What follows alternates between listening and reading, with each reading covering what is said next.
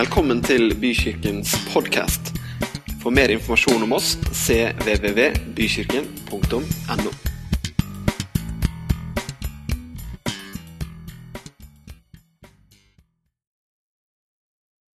Jeg har jo vært i Amerika siden sist.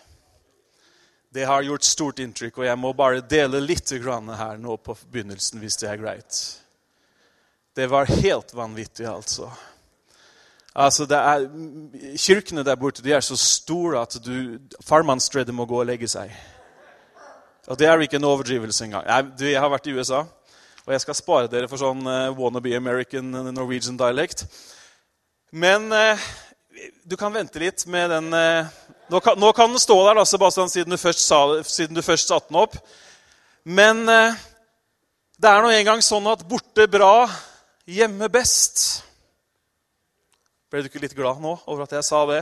Etter å ha vært i noen av USAs største menigheter, mest voksne menigheter, og så profesjonelt at NRK burde ta seg en liten studietur, så sier jeg fortsatt 'Home, sweet home'. Frank Nyfeldt og jeg vi har vært på en tur og besøkt en konferanse som heter Orange, som har fokus på kirke og familie og sammensmeltningen av disse to. Det har dreid seg om barnearbeid, ungdomsarbeid, familiearbeid, familiearbeid, tenåringsarbeid, ungdomsarbeid, barnearbeid osv. osv. fra alle mulige vinkler. I tillegg til det så rakk vi tre eh, kirkebesøk på søndagen. Ivrige nordmenn. Vi skulle ha med oss alt. Så vi, vi gikk jo tidlig fra den ene gudstjenesten for å nå den neste, kan du si. Og nå vet jeg at noen i Norge vi tenker sånn ja, alt er stort der borte. Og alt er annerledes der borte. Og på en måte så er det kanskje sant. Men det er også noe som er helt likt. Vet du hva det er? Det er at det er menneskene de går på to bein, og så har de 24 timer i døgnet. Det, det, er, det er veldig likt. Er vi enige om det? Og så er det bare imponerende å se hva de får til i noen av de menighetene. Altså, Vi var i en menighet, og så sa hun som viste oss rundt We have 800 children workers. 800 barnearbeidere. Så kom vi inn i, bar, barne, kom inn i barneavdelingen i kirken. Og altså, Det var jo liksom rom på rom på rom. Det var flott dekorert. og Det var liksom, det var ikke måte på hvordan dette var tilrettelagt. Og de hadde da opplegg for barna fra de var fire uker Fire uker! Da kunne du, Det var det tidligste du fikk lov til å levere barnet på. Det var jo barnepass, da. Det var ikke så dyp teologisk undervisning for de. Men i alle fall så var det veldig tilrettelagt. Og så spurte vi nordmenn, for vi ble helt sånn der Hvordan er det mulig, liksom?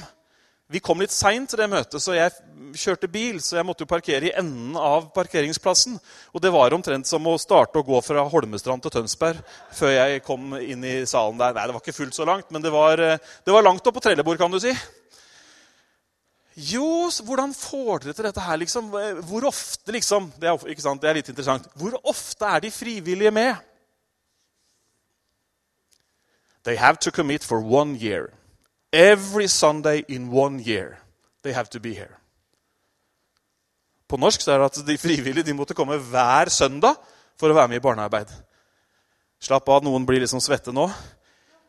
Men liksom, vi ble jo litt sånn der, Plutselig så begynte man å skjønne noe hvorfor de fikk til det de fikk til. For der var det alle mann i arbeid. Og den menigheten er vel ca. rundt 35 000.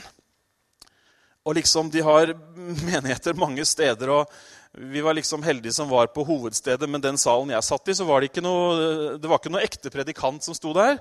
Når talen kom, så kom det en skjerm sånn som den her, som senka seg ned til gulvnivå. og Den skjermen var så krystallklar at du trodde nesten du var på sånn 3D-kino. For da sto da predikanten som sto i nabosalen og prekte, på scenen i den salen hvor du satt.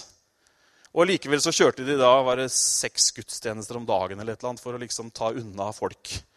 Da satt jeg i ett Oslo Spektrum, og så satt noen i andre Oslo Spektrum på andre sida av veggen. Helt, helt vanvittig var det. Men det er jo oppmuntrende å se at det funker. Herlig, det. Jeg tror det er lenge til vi er 25 000 her. I hvert fall i dette bygget. men også som bykirke. Men det er jo noe med det å se at det er noen som vil noe, som får til noe, og så ser man at det blir en vekst av det. Og det er klart, Nå har amerikanerne litt flere å ta av. kan du si. Det er mange mennesker, det er de. Det er flere som går i kirke, det er det også. Men så er det også sant at amerikanerne har et langt mer omfattende arbeidsår enn det vi har. De jobber flere timer i uka, de jobber flere uker i år osv. Og, så og hun som tok seg tid, ikke avtalt, til å vise oss rundt en kort time hun liksom, Etter en tre kvarter så Nå må jeg nesten gå, du skjønner at jeg skal gifte meg på lørdag. Dette var søndagen før. Det sier noe om hjertet, og det sier noe om innstilling, og det var bare veldig inspirerende. Ble du inspirert òg? Ja, det var veldig gøy, altså. Og det er gøy også, Senere på dagen besøkte vi en menighet med 7000 medlemmer. Cirka. Det er gøy å gå inn på et sånt sted som faktisk får farmannsredet til å bli veldig lite og puslete. Og bli møtt personlig av opptil flere mennesker som stopper stopper, spør hvem du er, prater med deg. Ikke bare 'hei, hyggelig å se deg' og en eller annen sånn floskel, sånn som de er ganske gode på over there, men virkelig liksom tar tid til å snakke med deg. Og på slutten så spurte hun hva var det dere het igjen. Jeg vil gjerne fortsette å be for dere og be for landet deres. De syns synd på oss vet du, når de hørte at det er 2% i Norge som går i kirke. De skjønte ingenting når vi sa at det er en stor kirke i Norge. Er det 300 på en søndag? Det er ikke mange av de. Da rister de på hodet, for det har de liksom, eh, i hvert fall ikke de de store menighetene. Så fins det mange små også. Det er en annen historie. Men det er godt å komme hjem. Er det godt å ha meg hjemme igjen?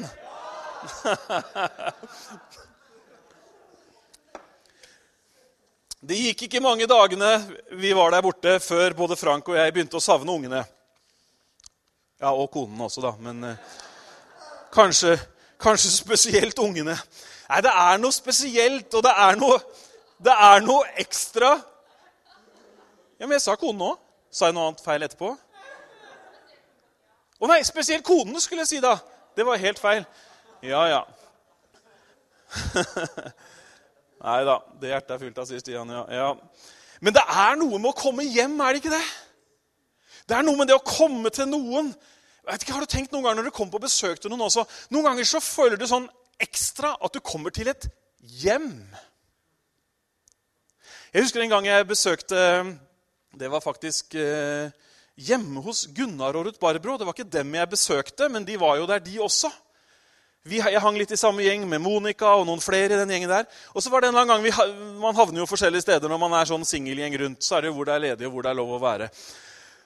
Og så havna vi der. og Jeg hadde aldri vært der før. Men du kom liksom innafor døra og så hm, Dette er jo et hjem. Kjenner du følelsen? Her var det godt å være. Det er noe eget med hjemmet vårt. Og et hjem, det er noe som er personlig. Det er noe som er trygt. Noen ganger så snakker vi om at eh, hjemmet er vår trygge havn. Vi oppholder oss der i alle aldre og i alle faser. Jeg husker når jeg var sånn rundt 20 år, så flytta mamma og pappa til et annet hus. Og Jeg var ikke med på flyttelasset, for jeg hadde jo flytta ut. Men det tok meg lang tid før det nye stedet de bodde på, ble et hjem, sånn som det andre hjemmet hadde vært der jeg hadde vokst opp til jeg var 18-19 år. Jeg visste jo ikke hvor ting var i skapene engang. vet du følte meg liksom sånn veldig på besøk. og det var liksom, Nå begynner jeg å komme litt inn i det. Det sier kanskje noe om hvor rask jeg er. Men uh, i alle fall så trenger du og jeg Vi trenger hjemmet vårt. Det er sant når det gjelder vårt fysiske hjem. Vi vet jo alle hvor viktig det er med et godt hjem for at et barn skal vokse opp og utvikle seg riktig, sunt og positivt. Da er hjemmet utrolig viktig. Og dersom et barn sliter, så vurderer man jo tiltak i hjemmet, i det trygge, for å se om man kan bedre noen av de tingene som er så utrolig viktig. Det fantastiske er, er at Gud han har også gitt deg og meg et åndelig hjem. Et sted hvor vi hører hjemme fordi vi er hans barn. En familie vi har fordi vi er hans sønn og hans datter. Et sted hvor grunnleggende åndelige behov møtes.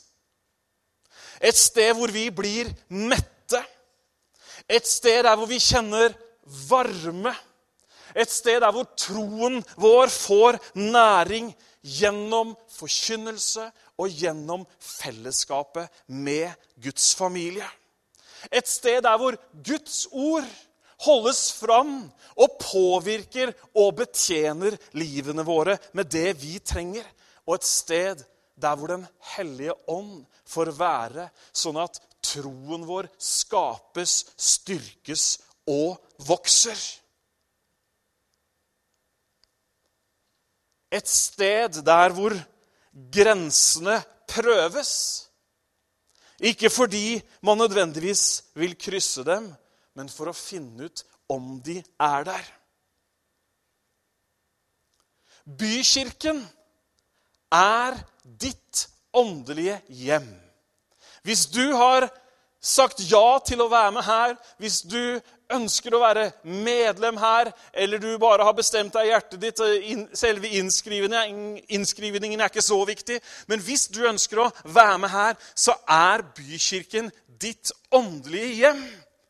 Og du og jeg, vi trenger å ha et åndelig hjem. Akkurat like viktig som vårt fysiske hjem, så er vårt åndelige hjem utrolig viktig.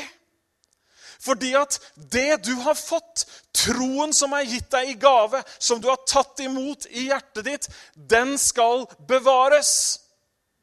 Amen. Den skal styrkes.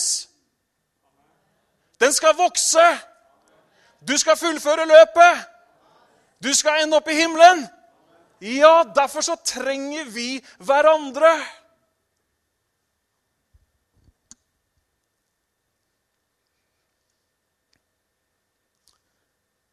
Jeg skal lese et vers som sier noe om det med et åndelig hjem.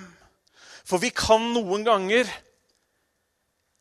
vi kan noen ganger mangle forståelse av hva det er som skjer når Guds folk kommer sammen som kirke. Da jeg var liten, så var jeg mye oppe i traktene der hvor eh, Ruth Tove og Bjarne Henry og Johan Alexander og Martha bor. Der var vi, jo, der var vi med på et, et, kor, noe som het Sangen. Og der var det, der var det, det var veldig mye bra som skjedde der. Jeg husker jeg ville så En liten parentes. Vil du ha en parentes? Jeg husker jeg var så veldig ivrig på å begynne å lese, så jeg kunne ikke lese. Og så trodde jeg at det arket vi hadde fått delt ut, det var neste sangen vi skulle synge. Eller den nye sangen. Så jeg satt med dette arket og lot som jeg leste teksten av dette arket. Men det var bollebakelista vi skulle ha med hjem. Det syntes de var veldig gøy. Men det var en sang som vi sang der, som er gammel og god. Jeg skal ikke prøve å fremføre nå, men den var sånn Hvilken glede jeg får når jeg kommer sammen med Guds hellige folk. Ingenting her på jord gir meg større glede enn å være der hvor Gud er til stede. Hvilken glede jeg får når jeg kommer sammen med Guds hellige folk. Og så var det mange andre vers. Jeg, kan, jeg sjekka i går kveld. Jeg kan faktisk alle versene ennå. Still works up there. Men det er noe med den dynamikken som skjer når vi kommer sammen, som jeg har lyst til å fokusere litt på akkurat nå først. Er du med på det? For hva er det egentlig? Man kunne jo sammenligne oss med alle mulige ansamlinger av mennesker, men det er så mye, mye mer. I Peters første brev så sier han noe om oss og hva som skjer når vi kommer sammen. Hør på dette her. Jeg tror kanskje vi får det på veggen også. Når dere kommer til Ham, som er den levende stein, som ble forkastet av mennesker, men er utvalgt av Gud og dyrebar, da blir også dere som levende steiner bygd opp til et åndelig hus, et hellig presteskap til å bære fram åndelige offer som er til behag for Gud ved Jesus Kristus. Hm. Når dere kommer sammen, når du og jeg kommer sammen sånn som vi har gjort nå i dag, da sier Guds ord at vi blir til levende stener. Vi kommer til Han, Han som er den levende. Og så blir vi også gjort til levende stener. Steinene de utgjør byggematerialene. Og sammen så blir vi en bolig.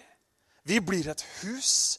Vi blir et sted der hvor Gud, Guds kraft kan erfares, oppleves, bli synlig, og folk, med andre ord, hvor folk kan møte Gud. Det bringer litt forståelse og litt fornuft inn i begrepet gudstjeneste også. For når vi kommer, så kommer vi ikke bare for å bli betjent av Gud, men vi kommer også for å gjøre tjeneste for Han. Når vi bringer velbehagelige offer til ham. David sier det i Salme 26. Jeg skal bare sitere det. Herre, jeg har elsket ditt hus. Jeg har elsket din bolig, stedet. Det stedet er der din herlighet bor. Guds hus. Vårt åndelige hjem. Stedet der hvor Guds herlighet bor. Vi skal lese ett vers til før vi går over til uh, the main part. Dere må bare unnskylde sånne engelske innslag i dag. I Salme 92 så står det noe utrolig herlig. Kan du si det? Utrolig herlig. Kan du si det med engasjement? Utrolig herlig! I vers 14, der står det vet du, på veggen òg de som er plantet i Herrens hus, skal spire i vår Guds forgårder. Ennå i høy alder skal de bære frukt. De skal være kraftige og frodige. Amen. De skal forkynne at Herren er rettvis. Han er min klippe, og det er ingen urettferdighet i ham. Hvem var det som skulle spire? Hvem var det som skulle vokse? De høye aldre, ja. Og de som er plantet i Guds hus. Hva skjer hvis du tar et barn ut av det fysiske hjemmet ditt? Hva skjer hvis du tar bort de basale behovene? Eller du tar ikke bort behovene, du tar bort dekningen av basalbehovene. Du tar bort behovet for varme, omsorg, mat osv. Veksten kan utebli. I verste tilfelle så kan veksten stoppe helt opp. Men de som er plantet i Guds hus, de skal vokse. De skal bli sterke. Dere har jo skjønt at jeg sysler litt med planter og røtter og jord av og til. Og jeg holder på å le meg i hjel. Er det noen som, er, noen som sjekker gis bort på Finn noen ganger? Ja, Noen tør å se det. Det hender de gir bort noe bra. Men det morsomste er når folk sier skriver på gisport Tuja hekk gisport. Tre meter høy, 14 meter med tuahekk. Må selv spaden opp. Jeg syns det er like morsomt hver gang. Fordi tujaene de er jo planta der og har stått der i, et, et, i over ti år. Og så er det liksom en eller annen stakkar som endelig har fått med store tujaer. Ja, lykke til! Før du har fått dem opp, så har du kutta, kutta så mange røtter at det er et under hvis de overlever på det nye stedet. Den som er plantet i Guds hus. Når du og jeg er plantet i Guds hus, da skal vi vokse, da skal vi bli stående. Vet du hva som er en viktig forutsetning for å klare seg bra her i livet? Nå snakker jeg sånn ikke-åndelig. Å komme fra et godt hjem. Kommer du fra et godt hjem, så er sjansen større for at det går bra på veldig mange områder i livet ditt. Og kommer du fra et godt åndelig hjem, så er det også mye større sjanse for at det går veldig bra med deg hvis du er planta i det åndelige hjemmet.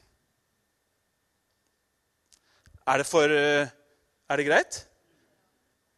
Med så mange Sakkmodighet er også fint. Men du skjønner at i hjemmet Altså Det er sånn i, i vårt hjem Der har vi jo fire stykker som hører til. Og nå har ikke det skjedd så veldig ofte ennå. Det har skjedd noen få ganger.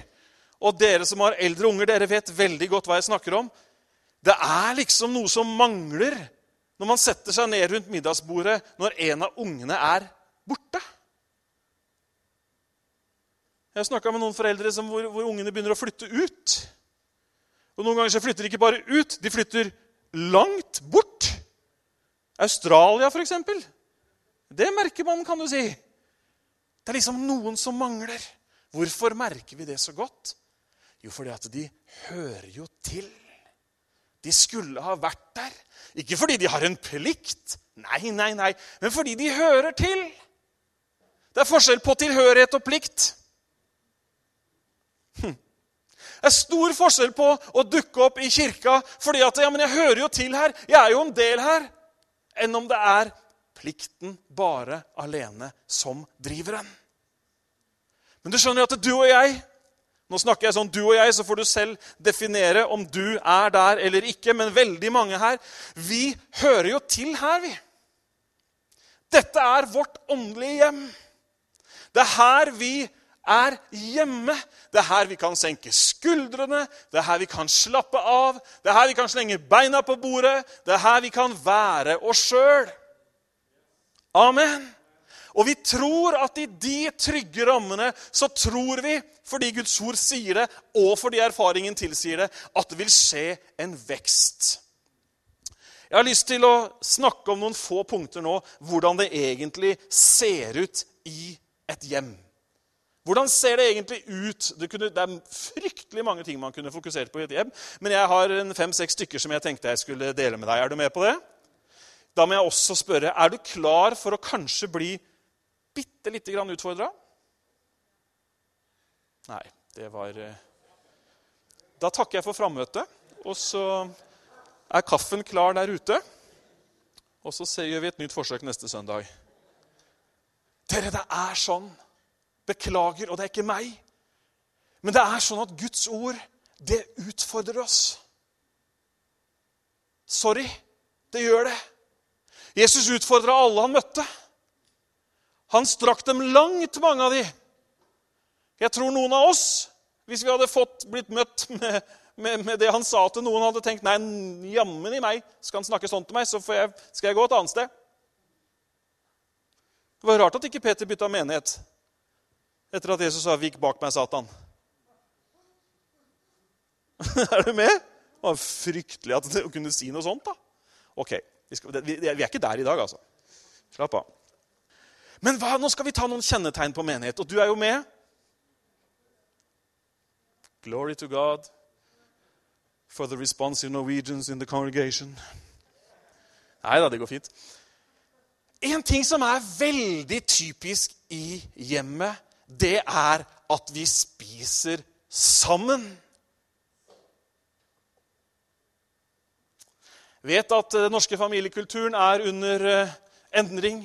Jeg vet at ikke kanskje alle får det til hele tiden, og dette sies ikke for å fordømme noen, men måltidet i hjemmet, det er viktig.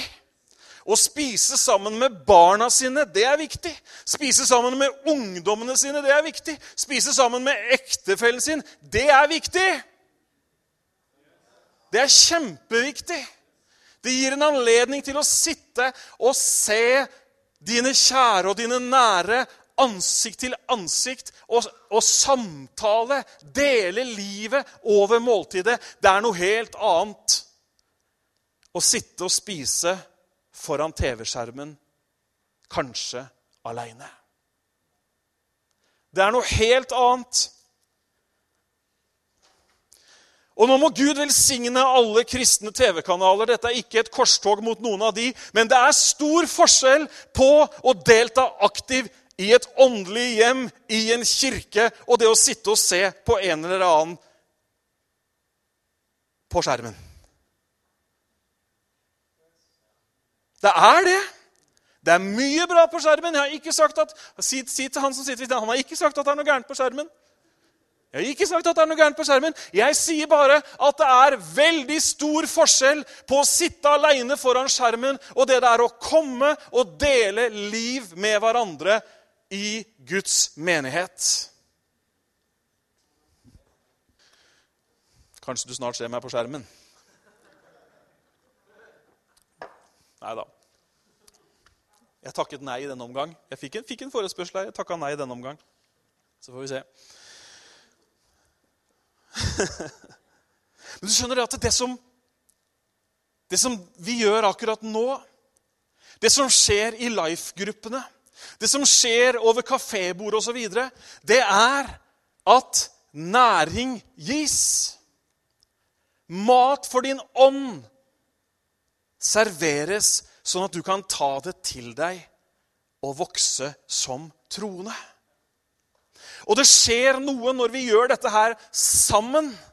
Gud har lovet oss at der hvor tro, to eller tre er sammen i hans navn, hva er han da? Han er, han er midt iblant oss. Med andre ord så har Gud designet oss mennesker, enten vi er ekstroverte eller introverte, så har han designet oss sånn at det finnes en rikdom i å møte andre mennesker. Jeg har sagt det før, og jeg sier det igjen. Gud er så stor at det trengs mer enn ett menneske for å prøve å beskrive og forstå og fatte hvor stor han er. Det er viktig å spise. Hvordan er det hjemme? Vi spiser sammen. Og det er ikke bare sånn at jeg står her i dag og serverer noe som du kan spise, men du har også noe som blir til mat for andre. Hvor mange ganger har du ikke opplevd at noen har fortalt deg noe, de har delt en erfaring, de har delt sin historie, og så plutselig så kjenner du at å, det der var godt å høre. Det der var virkelig en sannhet.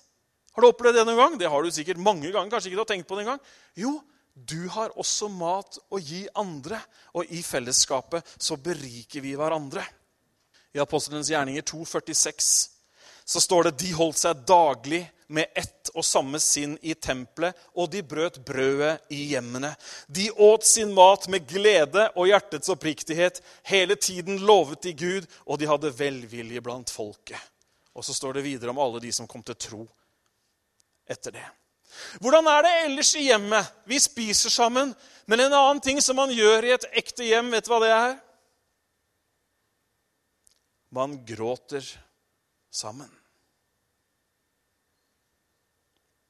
Man møter livets ulike faser. Og det er når man kommer hjem, at man ikke lenger klarer å holde maska. Tenåringen kan være verdens tøffeste ute blant venner. Det kan 20-åringen være også.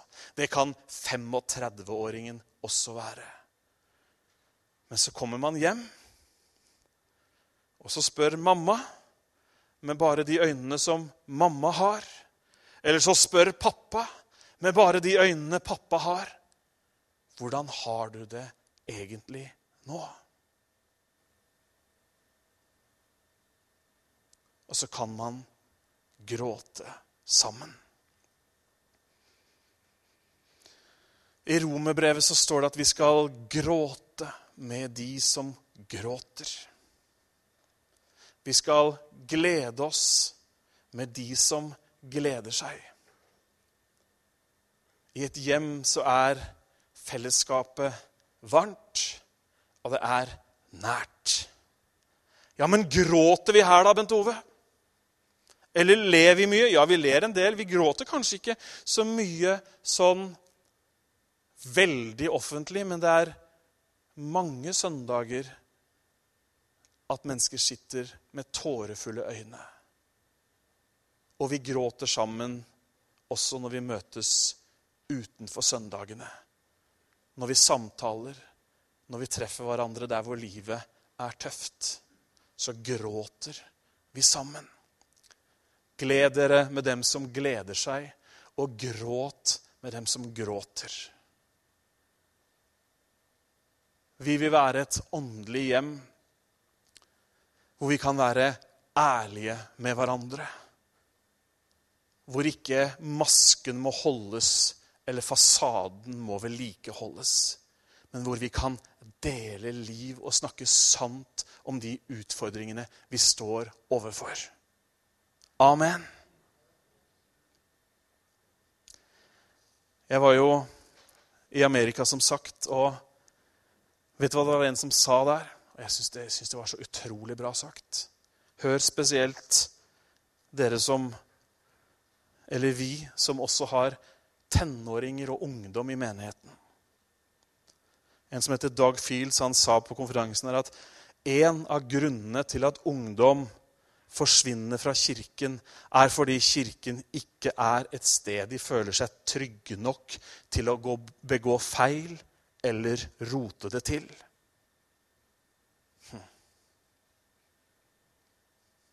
Hvis ikke kirken, hvis ikke bykirken da, for å være konkret, er et sted hvor det er lov til å gå på trynet, da har vi et alvorlig problem.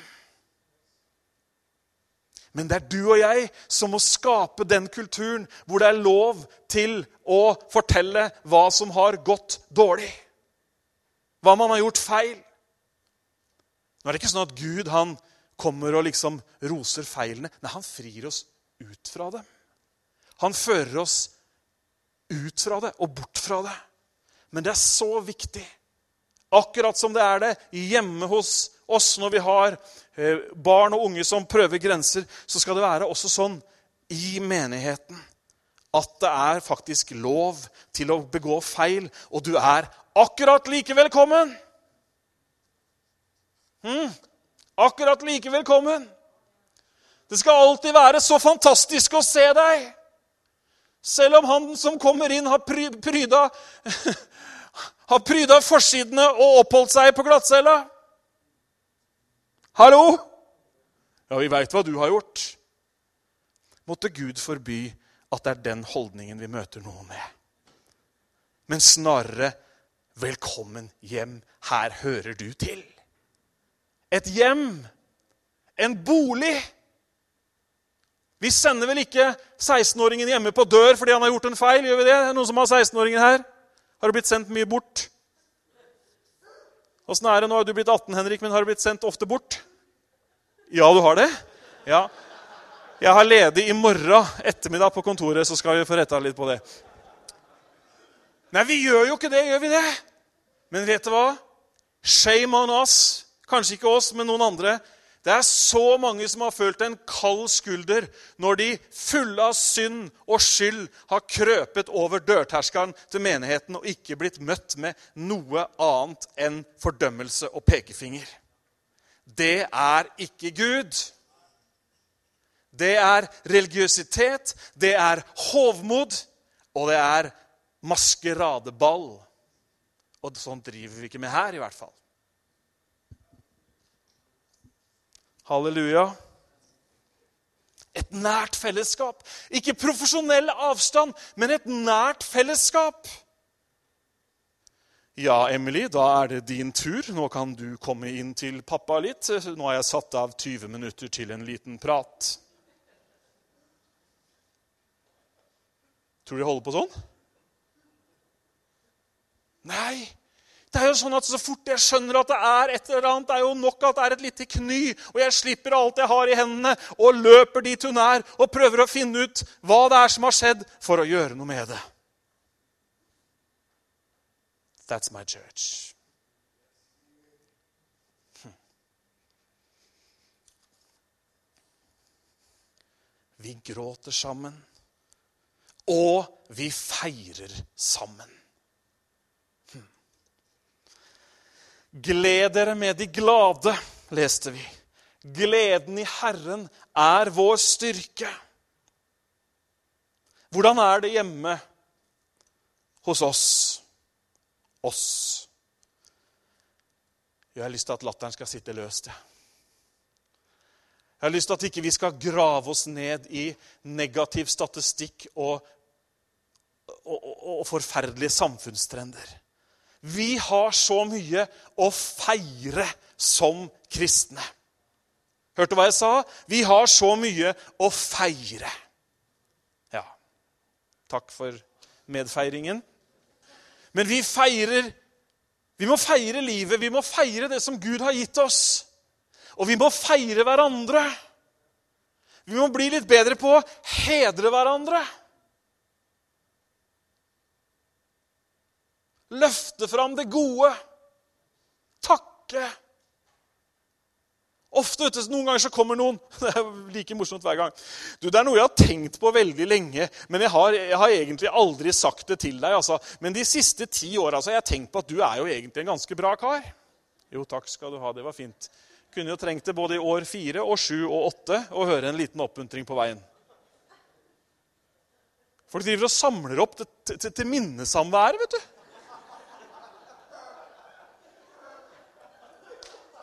Jeg blir jeg er i minnesamvær, det er ikke så ofte, men der blir jeg skikkelig oppmuntra. Jeg hørte så mye fint om farfaren min i minnesamværet. Jeg syntes det var helt supert. Nå hadde jeg mange og gode minner sjøl også, men ikke samle opp til minnesamværet. da, Del litt ut underveis. Var det ikke vanvittig bra å se Alexander på scenen i dag for første gang? Spille synt og greier? Det er jo knallbra. Hæ? Og så fin skjorte som jeg har i dag òg. Det er jo, ja, men det er jo mange ting, vi, mange ting vi, vi, kan jo feire hverandre litt og være litt altså Ikke som noe sånn påtatt slitsomt, men det er jo lov til å løfte fram det gode, er det ikke det, da? Vi feirer hverandre. Jeg sa det ikke til henne, men jeg sto bak Magnar i, i, i, i kollektkøen her og tenkte jeg skulle si det, for jeg kikka over skuldra. Så bra at du ga så mye, Magnar. Nei, jeg så ikke det. Men det jeg faktisk, det jeg faktisk så, som jeg ikke sa, det var at jeg, Kan ikke du reise deg opp, Magnar? Jeg syns han var litt fresh i dag i den røde genseren og den buksa. Og det, te det tenkte jeg faktisk når jeg sto der. Men så sa jeg det ikke, vet du. Norske forferdelige gener, altså. Vi er jo nesten i ferd med å gå i hi, hele gjengen. Så fort vi møter noen, så blir vi som et pinnsvin, ruller ut piggene og prøver å ikke hekte oss fast i noen. Nei, vi har mye å feire. La oss bygge en hederskultur. Jesus han løfta alle de menneskene han møtte, opp. Tenk deg hun som var grepet på fersk gjerning. Hun hadde hatt seg med en mann som ikke var hennes egen, og de dro henne inn på tempelplassen, og det var full offentlig display. Alle sto og fordømte henne. Når Jesus endelig sier noe til henne, så sier han, 'Kvinne, hvor er de som fordømmer deg?' 'Borte.' 'Jeg fordømmer deg ikke, jeg heller.' Kos hun ikke mer.' Hadde du klart å si det? Hvis du visste at det sto en premiesynder foran deg. Vi må øve oss på det, skjønner du. Ta vare på det gode. Kappes om å hedre hverandre. Yes. står til og med i de ti bud. Du skal hedre din far og din mor, så skal det gå deg godt, og du skal leve lenge i landet. Så hvis du har tenkt å bli her over eh, første pensjonsmulighet, så er det bare å sette i gang. Hvordan er det egentlig hjemme? Jo, vi bærer sammen. Er den klokka der riktig? Da fikk jeg med et problem.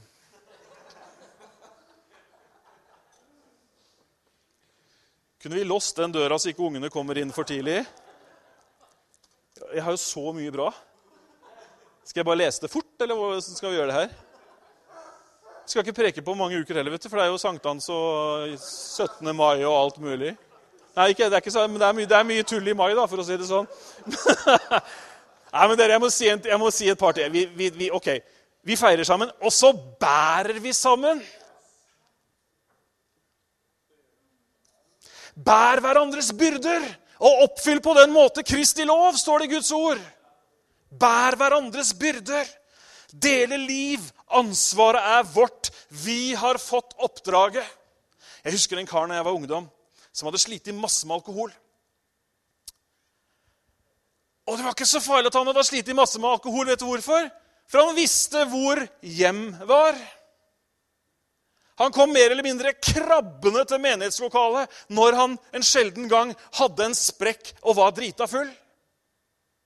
Er ikke det herlig vitnesbyrd? Det var, det, var, det var, da kom han, vet du. Herlig. Så kunne han jo få sove hos Einar eller en eller annen og sove ut rusen. da, og Så var det jo ny runde igjen, og så var det to måneder til neste gang, og så ble det seks måneder, og i dag er han fullstendig fri. Han dro hjem når det blei tøft. Herlig. Bær hverandres byrder. Jeg har spart de to største punktene til slutt, men de kommer til å bli helt ultrakorte. Men en ting som er veldig typisk i et hjem, det er at vi jobber sammen. Vi setter oss ned i vårt fysiske hjem, og så legger vi noen planer. Vi fordeler litt oppgaver. Og så har vi liksom våre ting som vi gjør med. Og På samme måte så er vi også et hjem. Og det hjemmet det består av mange ulike mennesker. Og du og jeg vi har en oppgave. Bibelen sier at vi er som en kropp. Så er Kristus hodet. Det betyr at han bestemmer hva vi skal gjøre. Og er det sånn? Jeg trodde det var sånn demokrati i den kroppen. Nei, det er sånn kristo, kristo, kristokrati. Han er hodet. Og han har satt noen prioriteringer. Og han har sagt at du og jeg, vi skal gå ut. Og så skal vi vinne mennesker for hans rike. Og så skal vi som menighet vi skal trene og utruste folk til all god gjerning. Så jeg håper at listene til Godhet 15 fylles veldig fort opp, for vi driver jo og trener folk til godhet. All god gjerning. Nå, nå våkna Camilla også. Det var kjempefint. Veldig bra at du er her. Men du vet at den jobben som Jesus har gitt, hør på dette her, den handler utrolig lite om hva du og jeg føler akkurat nå. Det den handler om, er at han har gitt oppdraget, og så har han gitt løfte om at han skal være med alle dager. Hm. Det er en jobb som krever mye, men som gir enda mer. Det er saligere å gi enn å få. Den som lesker andre, blir selv lesket eller selv oppkvikket, står det i Bibelen. Og hvis du ønsker sunnhet, og det tror jeg du gjør i ditt liv som kristen, så er det bare å involvere seg i oppdraget. Det gir livet retning. Det gir livet mening, det gir fokus, og du får mindre tid til endeløse, navlebeskuende grublerier. Fordi du blir så opptatt med å utføre oppdraget. Det er ikke alt arbeid som er lystbetont, er det det? Hør på det her. Hjemme hos oss så vasker vi faktisk klær uten at det er teologisk forankret. Julia sier 'gå på vaskerommet', og jeg sier 'kapittel og vers'. Svarer meg aldri på det. Men vi gjør det uke etter uke allikevel. Vi støvsuger faktisk fullstendig uten åndelig forstand.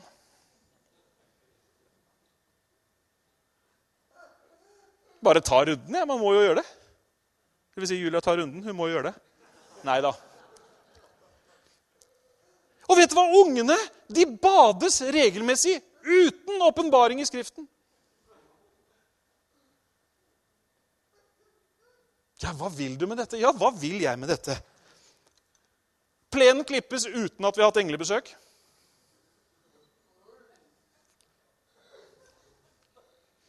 Og vi spiser både frokost, lunsj, middag og kvelds uten at vi har hatt Skriften på veggen.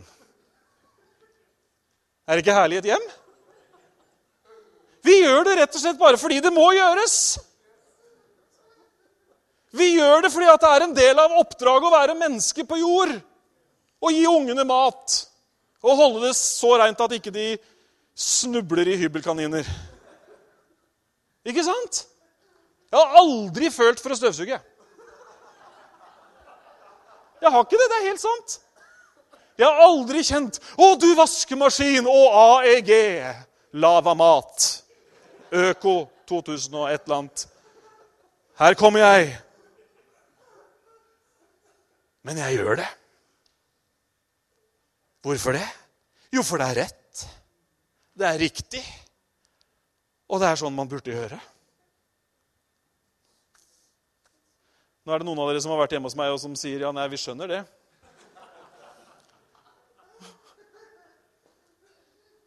Men dere, vi har et hjem her også.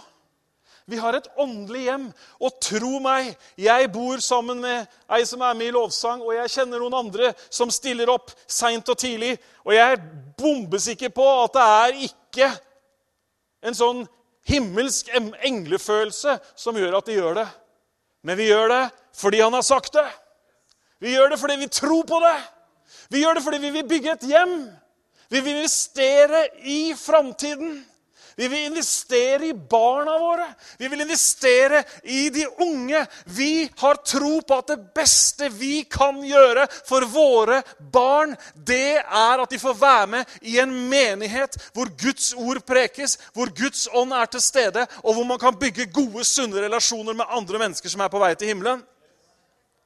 Det tror jeg oppriktig er det beste jeg kan gjøre. Og det er det ansvaret som du og jeg holder på med. Vi bruker penger på kirke fordi det lønner seg, og virkelig bokstavelig lønner seg, i det lange løp. Hm. Og det er jo sånn Når vi gjør noe, så stiller vi opp hjemme. Vi pusser opp, og vi gjør det ene og det andre. Og vi investerer av våre ressurser, våre, vår tid, våre penger, vår kunnskap, fordi vi vil få dette til. Bli med meg tilbake til USA igjen.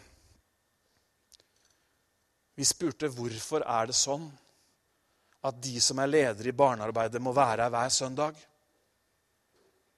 Så sa de du kan disippelgjøre et barn eller en ungdom i en gruppe mye mer enn du kan disippelgjøre noen i en stor mengde. Vi ønsker at gruppelederne våre på barnearbeidet sa de, skal være betydningsfulle voksenpersoner som bygger relasjon med barnet over tid. Og da kan de ikke komme innom annenhver måned, for det funker ikke. Da snakker vi om investering, og vi snakker om prioritering. Og vi gjør det fordi vi vet at Kirken er verdens håp. Amen. Tror du det? Vi har Jesus Kristus, og det er bare han som frelser fra synd og gir et evig liv. Vi investerer, og vi prioriterer. Da har vi en halv preken til en annen gang. Men jeg har lyst til å si Jeg tror vi er på ulike hva skal man si, stader eller nivåer av opplevelse av et hjem eller opplevelse av delaktighet eller opplevelse av det ene eller det andre rundt det jeg har snakka om. Men jeg vil allikevel si, uavhengig av historikk og uavhengig av alt, så har jeg lyst til å si velkommen hjem. Det er ditt hjem. Det er her du hører til. Kanskje du skal slutte å lure på om det er det. Kanskje du skal faktisk bestemme deg for at nå kjøper jeg dette huset. Jeg må jo ha et sted å bo. Spørsmålet er ikke om du skal eller kan bidra. Spørsmålet er om hva du skal eller kan gjøre. Dette er hjemmet vårt. Skal vi reise oss opp?